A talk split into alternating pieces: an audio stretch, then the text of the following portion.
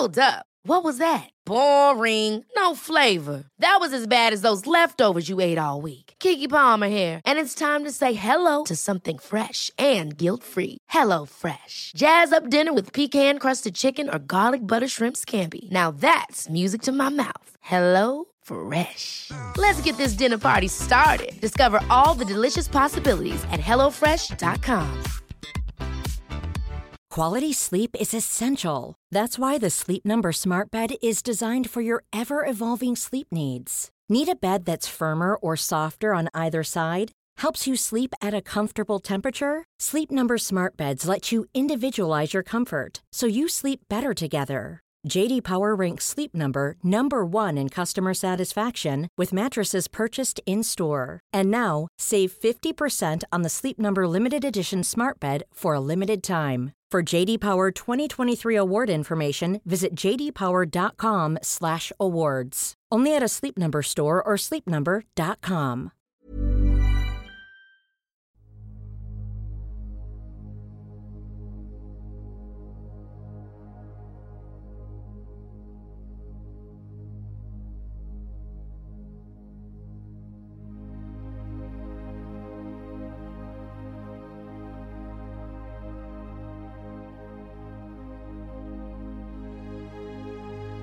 Ljus eller mörker gäller människor i den fysiska dimensionen och varelser i alla andra dimensioner.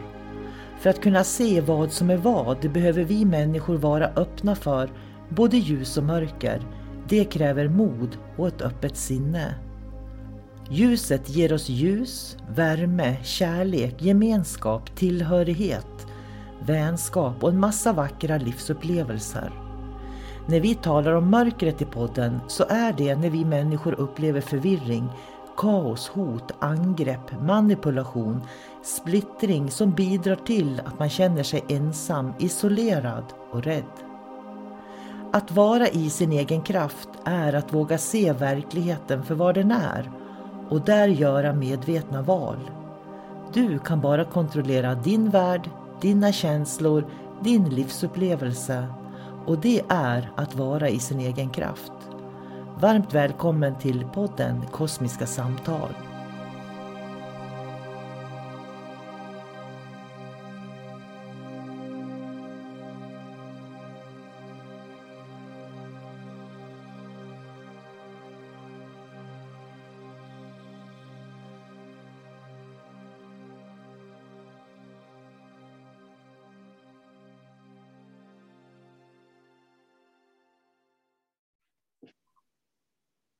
Hejsan och varmt välkommen till podcasten Kosmiska samtal.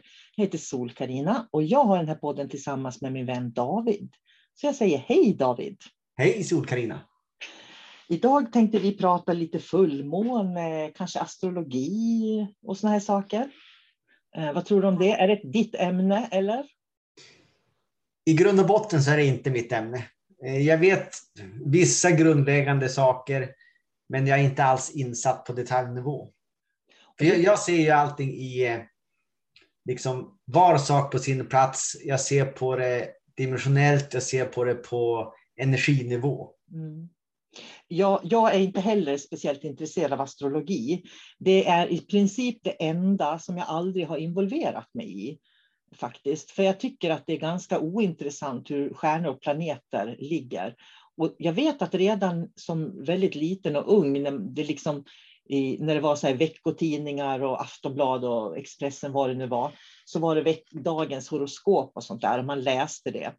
Och jag funderade liksom alltid på hur kan alla som är födda i vågens tecken ha samma horoskop? Vi är ju olika vi människor. Så jag, jag måste säga att jag droppade det där med horoskop väldigt tidigt faktiskt. Men för att också Eh, jag tänker på det här med fullmåne. Det är intressant tycker jag med fullmånen för att eller med månen, för den har ju 13 faser på ett år. Och fullmånen följer ju kvinnans menstruationscykel. Så att om vi kvinnor skulle må bra så skulle vi egentligen menstruera efter månens cykel. Vilket innebär att när, eh, när energierna är lite låga, om man säger så, då kan jag som kvinna vara lite låg också, kanske behöver vara lite mer i fred och sådär. Men det jag tycker är intressant med månen, och det var egentligen det som, som vi skulle prata om, det är ju det här att människor påverkas av fullmånen. Har du någon tanke kring det här med att människor påverkas av fullmånen? De kan inte sova när det är fullmåne eh, och de, de blir mer förvirrade när, de, när det är fullmåne och sådär. Har du några tankar kring det? Eh, det uppenbara det är ju ebb och flod och vätskor. Det, månen påverkar ju det. Mm. Men sen framför allt så tror jag att det är en psykologisk effekt också. Att på något sätt har vi skapat den här känslan av att vi kan inte sova för att månen är så nära, den är så närvarande och det liksom, den upplevs nästan som ett hot. Den är så stor, ska den krocka med oss? Den tar upp så mycket plats. Så att jag tror att det mångt och mycket så är det någonting vi har skapat också. Mm. Och det där med ebb och flod tycker jag är jätteintressant för att jag tror också att, att om vi har en fysisk påverkan så kan vi definitivt påverkas eh, man som kvinna utav ebb och flod. Alltså eftersom vi har, består av så mycket vatten själva så är det ju självklart att det påverkar oss med fullmånen då till exempel. Men då tänker jag så här, om jag som människa låter fullmånen påverka mig så mycket så jag kan inte sova, jag blir orolig, det händer saker i min kropp. Då har ju inte jag kontroll på min kropp och mina sinnen, så tänker jag. Så för mig blev det så här att, för jag har också blivit påverkad av månen en gång i tiden. Och till slut så tänkte jag så här, nej det här är inte okej. Okay. Det är inte okej okay för mig att ha det så här jobbigt så fort det är fullmåne. Och det jag började göra, det var att jag började koppla upp mig högre. Och det var där som jag började liksom det här med att koppla upp mig på Vintergatan till exempel. Och när jag kopplade upp mig på Vintergatan, då upplevde inte jag att jag blev påverkad av månen längre. inte det alltså, intressant? Det är intressant och det som jag tänker nu, nu tänker jag på frekvensnivå. Mm. Människor kan inte sova, de blir oroliga. Allting har en frekvens. Vad har månen för frekvens egentligen? Vad är det den sänder ut? Varför eh, är månen så viktig i häxkonst? Varför är månen så viktig för satanister till exempel? Det är ju en symbol. Månen är en symbol. Och den symbolen ska ju vara någon typ av magi och någon kraft. Men det känns ju absolut inte som att det är en positiv kraft eller lätt kraft. Så vad är det? Vilken energi har månen? Vad symboliserar den? Ja, för jag tycker att månen och de som dyrkar månen har en väldigt låg frekvens. Och anledningen till det är för att månen, solen är ju ljuset, det medvetna. Medan månen är det dolda, det här som vi inte kan ta på, som finns. Som, jag kan känna känslor, uppleva känslor, men jag kan inte ta på känslor. Så månen blir ju på något vis en symbol för det undermedvetna då. Det här, och det är därför det blir mystiskt och magi. Så jag kan tänka mig att, att förr i tiden så tyckte, tyckte man liksom att, att eh, mystiken och magin var kopplat till tankar. Varför jag har tankar i huvudet? Jag kan inte ta på dem. Känslor, jag kan inte ta på dem. Och därifrån kommer magin. Så att när man säger att månen har magi eller är magisk, då är man ju verkligen kvar i ett medeltidstänkande, tänker jag. Ja, så är det ju. För, för eh, tänk alla riter som har begåtts för att det har varit fullmåne till exempel, eh, genom alla årtusenden. Månen har varit viktig. Så att på något sätt har vi även programmerat månen också. Så, så att den får en viss frekvens. Mm. Och så sen så, jag har ju även lyssnat på, på, eh, på en podd som jag gör ibland på väg till jobbet. Jag har på telefonen. Och då var det också en som pratade just om att månen var magisk. Den var magisk och det, den har så fin kraft och man ska göra ceremonier. Men de gick aldrig in i detaljerna att ställa sig frågan vad är det för, vad är det för magiskt med månen då? Vad, vad kan man åstadkomma med månen? Vad, vad är bortanför? Om du plockar bort magin och så ska den liksom bena ut vad är det för kraft som finns i den? För jag menar, allting kan ju vara magiskt. Ungefär som när vi lär oss reiki. Eh, visst, det är ju magiskt i början, men sen förstår man ju att det finns en struktur, det finns en, en eh, naturkraft i det här och, och, det blir en del av livet. Det blir inte magiskt längre, utan det är, när man har lärt sig att behärska det, då, då är det en kunskap, det är en erfarenhet, det är någonting man kan använda till alla ändamål. Men han påstod att bara att månen var magiskt och så var det bara. Mm. Men vänta man måste ju gå steget längre. Man kan inte bara stanna där med att det är magiskt. Ja, men det är det människor gör som har skygglappar, som har liten medvetenhet. De frågar ju aldrig steget längre. Liksom. Och det, det, är så intressant, för jag tittar på Gina Dirawi har ett fantastiskt program nu på SVT Play som jag pratade om. Och en av hennes kompisar sa så här till henne, och det här var så himla bra, och det passar så in med det du sa nu. För om, om, om en människa har, det här är ett äpple och det här är ett päron, liksom. Och då är det ju frågan om varför heter det äpple och varför heter det päron? Ja, de allra flesta människorna de nöjer sig med att det här är ett äpple och det här är ett päron. Och därför är månen magisk. Liksom. Men sen finns det en liten klick intelligenta människor, skulle jag vilja säga, som, som säger så här, vem började kalla äpple för äpple och vem började kalla päron för päron? Och då vill man veta mer, man går tillbaka, man vill ha historien, man vill få den stora bilden av hur ett äpple kunde bli ett äpple eller ett päron ett päron. Och det är det här som skiljer oss människor åt, för att en del de nöjer sig med äpplen och päron och månen är magisk. Medan andra vill veta varför är den magisk? Hur kommer det sig? Liksom? jag menar, om man har kommit till den punkten att ja, men månen är magisk. Eh, sen ska man utföra ritualer så man ska kunna ta del av månens eh, magi. Ja, oh, ja, men du vet ju fortfarande inte vad det är för magi. Om, du kan, det, kan det skulle ju rent teoretiskt kunna vara så att magin som kommer från månen, den är satanisk. Mm. Okej, okay, det är ju inget bra, det vill jag inte ha. Nej, men undersök det först då. Du måste undersöka vad är det för typ av magi.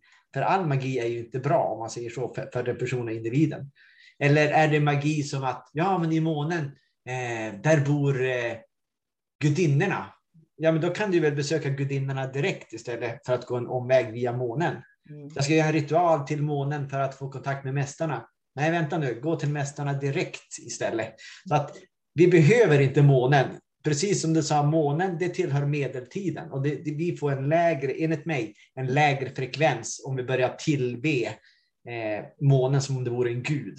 För mm. då, får, då får ju månen mer kraft mm. än vad du har. Jag tror att det är så också faktiskt. Jag tänker på den tiden när det, när det inte fanns elektricitet så var ju månen superviktig. För, för när det var fullmåne så var det ju väldigt ljust.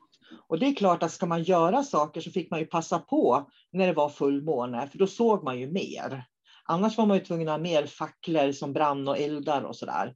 Så att det, det, finns ju liksom någonting väldigt, det är därför jag kallar det för medeltid. Det finns ju någonting väldigt gammalt i det där, hur man använder det.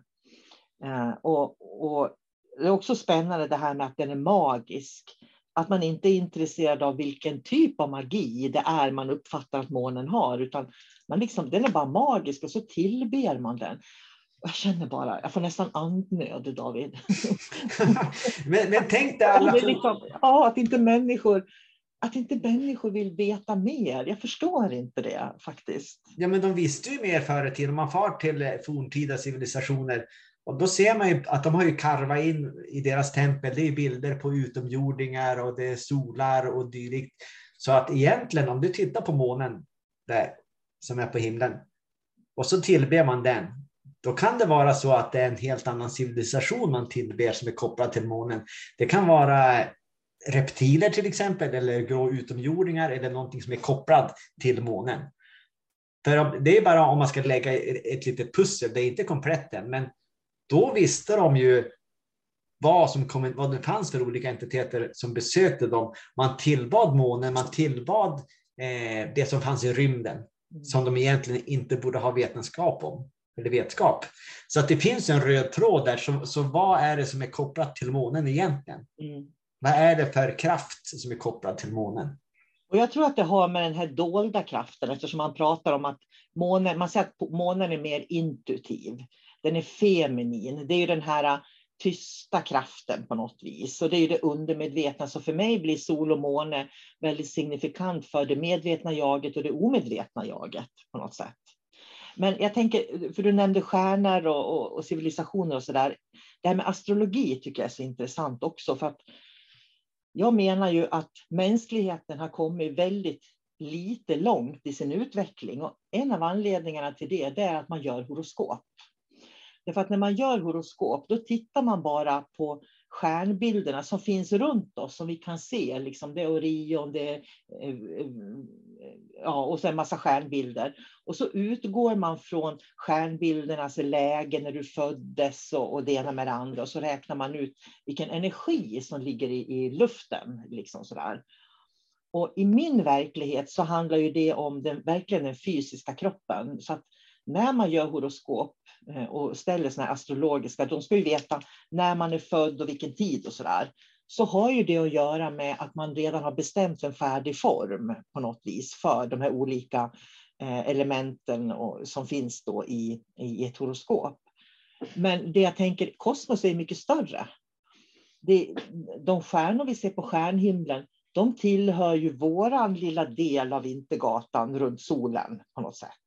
Men i andra änden av Vintergatan finns det också stjärnor. Det finns ju biljoner stjärnor liksom i Vintergatan. Och ja. sen finns, har, vi, har vi ytterligare eh, galaxer längre bort.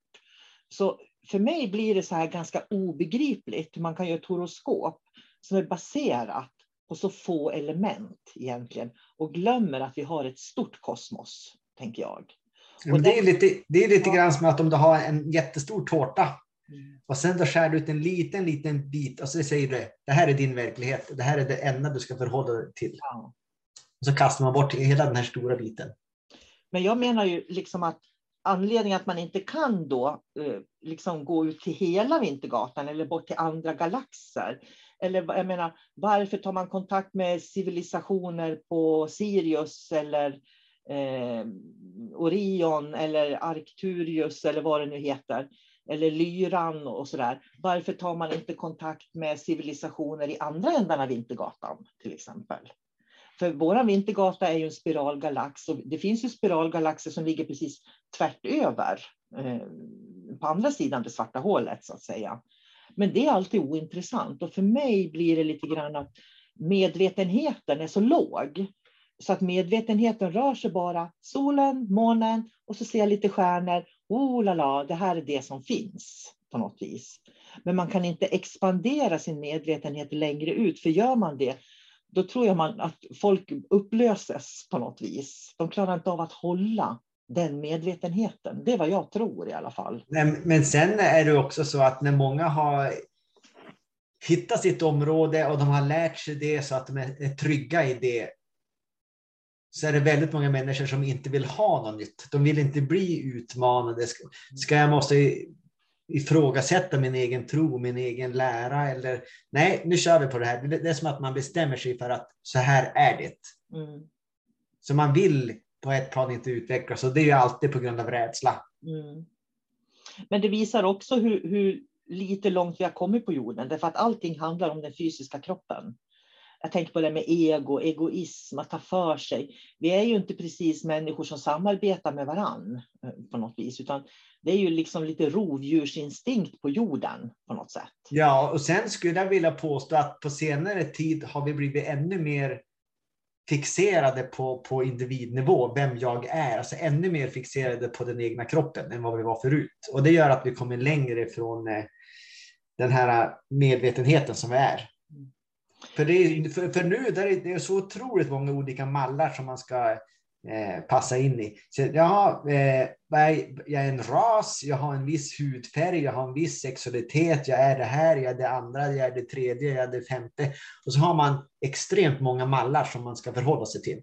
Och där finns det inte plats för ett medvetande. Man skulle bara kunna säga att jag är ett medvetande och nöja sig med det. Mm. Men istället ska man identifiera sig med kroppen på liksom, alla nivåer. Och det, det främjar inte en, en, en, utveckling och ett fritt tänkande. Det, det främjar inte ett dimensionellt tänkande heller. Jag älskar det du sa nu. Jag tyckte det var så vackert. För jag tänkte så här, jag är ett medvetande som har en upplevelse i en fysisk kropp. Eh, att, kan man se, jag tänker på i en annan podd, du pratade om det här med att medvetandet är som havet och, och mitt medvetande är som en droppe ur havet, ur medvetandets hav då, som går in, som, som finns i mig. Och, och jag tror att skulle vi börja tänka att jag är ett medvetande som har en upplevelse och eh, i en fysisk kropp, då skulle vi kunna se verkligheten lite annorlunda. Och då blir det inte så här att jag måste åstadkomma det här så att jag får bli någonting bättre till nästa liv till exempel. Eller jag måste titta i det förflutna och hela tiden lösa karma därför att eh, det jag varit med om i förflutna det är så traumatiskt så det förstör mitt liv. Liksom sådär. Men ett medvetande som är i en upplevelse i en fysisk kropp kan ju vara mer objektiv och se saker och ting för vad de är faktiskt. Jo, man, man har ju helt fria tyglar mm. att kunna agera. Man, man kan ju sväva helt fritt med ett medvetande eh, jämfört med om man har en snäv identitet. Så då sitter man egentligen i, i en isoleringscell mm. och man ser bara det som är i rummet, vilket är väldigt lite. Möjligtvis en eh, madresserad eh, cell och då några fönster där, och järnstänger. Det är det enda man ser i en cell. Men, men, det är också intressant för att om, om, jag, om jag kan gå in i att det är mitt medvetande som har den upplevelsen i en fysisk kropp, så kan jag ju också se att hmm, den här kroppen som jag har, David, kan inte springa New Yorks maraton eller Stockholm maraton. Den, den, har inte den kapaciteten. Så, så det gör ju också att man kan se styrkor och begränsningar man har faktiskt i det här verktyget som den fysiska kroppen är. Och när man ser sina begränsningar så då blir det blir ju också på något sätt en gåva när man har lärt sig att vad man, vad man ska välja bort. Ja, men det, det är inte troligt. Jag ska inte bestiga Mount Everest eftersom jag har borta två ben. Ja, men vad bra, då kan jag lägga fokus på annat istället. För det är inte rationellt att tänka att jag ska dit upp. Ja, visst, jag kanske kan göra det, men då måste jag offra hela mitt liv för att ta mig dit. Och det är inte värt det. Så att när man ser sina begränsningar och kan välja bort vissa saker och tycka att det är bra, det, det är fine. Så kan det vara. Då är det skönt, för då vet han att jag behöver inte fundera på det där mer. Det, är så fascinerande, för jag pratade med en elev igår, var det. För vi hade, ja, vi hade avslutning på Mediereike då igår och så pratade vi lite grann efteråt och då berättade hon, för hon går Sannesens för mig nu också. Och hon, för på senaste Sannesens så jobbar vi med insiktsänglarna och insiktsänglarna handlar ju om att det finns inget gott och det finns inget ont att, eh, vi, att vi, liksom, vi väljer ju själva vad vi ser som gott och ont, men om vi tar ett steg tillbaka så finns det egentligen inget gott och det finns inget ont, utan det är vår upplevelse av gott och ont på något vis. Och, och, och ja, vi pratar väldigt, väldigt mycket om det under helgen och så. Eh, och det var den här insiktsängeln då som jag kallar den för. Men när jag pratade med henne då i, i förrgår så sa hon att, att hon hade fått en aha-upplevelse efter kursen. Därför att plötsligt, sa hon, så kunde jag stå utanför mig själv. Och då menar hon, då var det ingen ut ur kroppen upplevelse hon hade, utan hon kunde plötsligt se att hon är inte sina tankar, hon är inte sina känslor. Och hon kunde se det där med ont och gott och hon liksom kunde vara sitt medvetande. Jag tyckte det var så vackert beskrivet. Och jag vet att jag, jag brukar själv beskriva det för när jag, när jag upptäckte det själv, så istället för att jag hade tankarna inne i huvudet så var det precis som tankarna satt utanför huvudet. Är du med? Mm. Så, att, så, när jag upplevde mina egna tankar så är det som att jag kan se dem nästan. Men jag liksom blir dem inte. Nu kanske jag surrar iväg här, men, men för mig är det väldigt mycket att kunna vara i medvetandet. Att man upplever. Ja. Man, man får erfarenheter, men man är inte erfarenheterna och man är inte kunskapen man har fått. Eller, utan man, man, vi är här som medvetande i en fysiska kropp och vi upplever saker och ting. Och det är för mig en högre medvetenhet. Så jag kan ju till exempel använda astrologi, absolut, för att förstå det närmaste runt mig. Men vill jag förstå en större bild, då måste jag gå till den större bilden också. Och man, när man går till den större bilden, jag kan inte liksom ta med mig eh, jag kan inte ta med mig allting, utan jag måste som ställa mig lite utanför när jag ser den större bilden. Är du med? Mm. Jo, titta objektivt på allting. Ja. För det är likadant om du till exempel eh, jag vill säga att du har en bild i ditt huvud att ja, men, eh, på Sirius där är ju alla så vänliga. Det är en högt uppsatt civilisation på planeten där flera civilisationer. Jag har besökt många gånger, det är fina, fina varelser som bor där. Ja, är det hela sanningen? Det finns väl olika medvetandenivåer där också. Alltså, allting är inte enkelt. En hel planet kan inte vara god. Likadant, vår planet är inte god eh, eller helt ond, utan det, det, är alltid en mix av allting. Så att man måste alltid vara kritisk, man ska alltid vara, se på saker och ting objektivt. Mm. Jag kan inte vara så, så blåögd att jag far till en annan civilisation, alltså mediterar för dit och tror att de vill mitt bästa bara för att ja, men det, det här är en bra planet, det har alla andra sagt. Det, det, är, fin, det är fina varelser. Utan nej, kritisk till allting. Mm. Det finns ingen, ingen, eh, ingenting som är perfekt där ute. Nej, och det, det, är det som är så intressant. Det finns inget ont, det finns inget gott. Och det här kan ju förvirra människor i oändlighet. Men jag tycker det är någonting man ska fundera kring. Vad är ont och vad är gott? Hur ser jag på ont och gott? Hur ser andra människor på ont och gott? Därför att eh, det spelar ingen roll. Om jag skulle försöka göra goda handlingar hela mitt liv så kommer jag ändå att stöta mig med människor som inte håller med mig och tycker samma sak som tycker att det blir en ond handling då. Jag kan ta ett exempel. Jag brukar ta det ibland på kurserna. När jag var till Indien på meditationsretreat och mediterade en månad. De här nunnorna i Indien älskade Bregottsmör. De tyckte det var så gott med Bregottsmör. Så när vi skulle åka till Indien då så köpte vi Bregottsmör som vi frös, packade in i tidningspapper och in i resväskorna då för att ge de här nunnorna i Indien då, för de älskade Bregottsmör. Och det är ju en väldigt god och fin handling. Vi vill ju liksom av kärlek ge dem Bregottsmör, för det finns inte i Indien. Liksom. Men hade de då ätit Bregottsmör så de hade fått ont i magen och blivit sjuka, då är ju inte längre det en god handling. Då blir det ju en ond handling, för de vart ju sjuka av det. Liksom.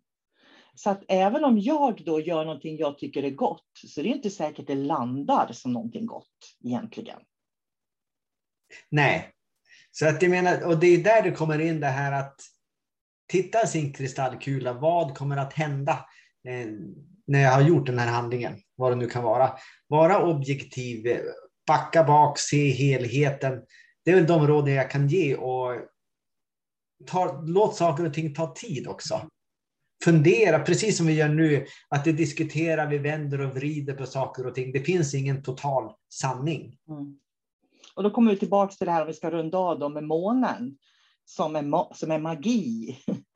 Och jag tycker så här, då måste det ju vara så att människan har ett behov av att det finns saker som är mysterium som de inte kan tolka och då kallar de det magi, eller? Ja, men så är det ju. Jag kan dra en parallell till eh, för 20 år sedan så jobbade jag på ett äldreboende och där, då var det en gubbe där som han var nästan 100 år gammal. Jag tror han var 99. Och han tittade ju på, på oss, vi hade ju små telefoner på oss i bröstfickan. Och då sa han det, när jag var liten, det är helt otroligt, då fanns det inga telefoner.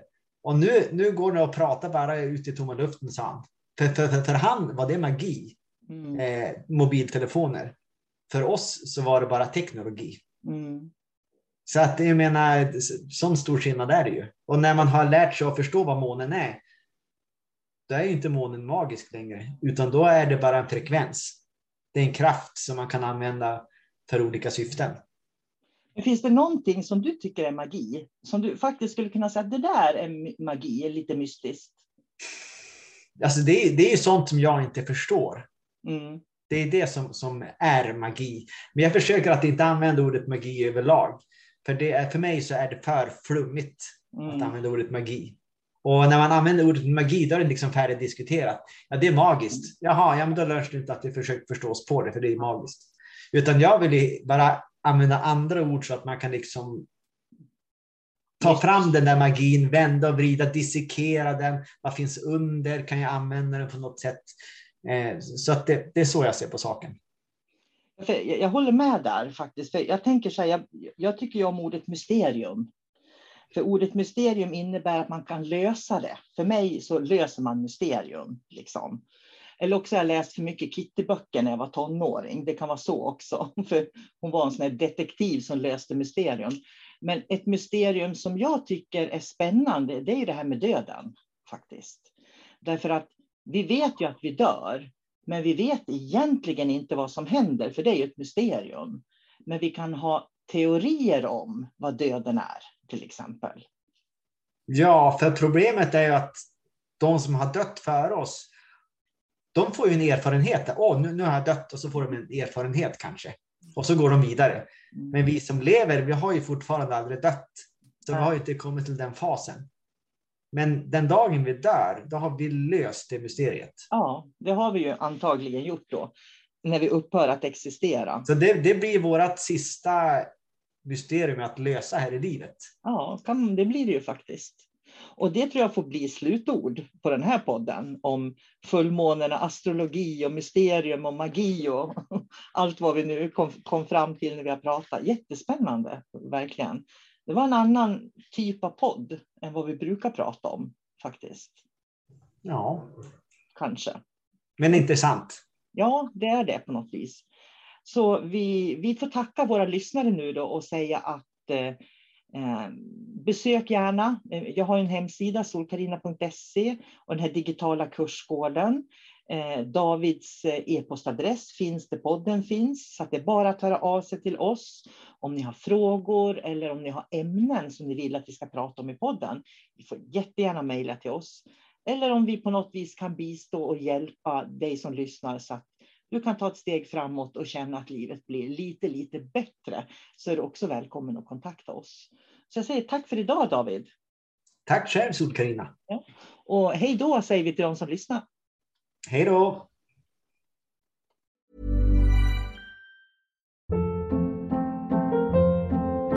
Hold up. What was that? Boring. No flavor. That was as bad as those leftovers you ate all week. Kiki Palmer here, and it's time to say hello to something fresh and guilt-free. Hello Fresh. Jazz up dinner with pecan-crusted chicken or garlic butter shrimp scampi. Now that's music to my mouth. Hello Fresh. Let's get this dinner party started. Discover all the delicious possibilities at hellofresh.com. Hey, it's Paige DeSorbo from Giggly Squad. High quality fashion without the price tag. Say hello to Quince. I'm snagging high-end essentials like cozy cashmere sweaters, sleek leather jackets, fine jewelry, and so much more. With Quince being 50 to 80% less than similar brands and they partner with factories that prioritize safe ethical and responsible manufacturing i love that luxury quality within reach. Go to quince.com slash style to get free shipping and 365 day returns on your next order. quince.com slash style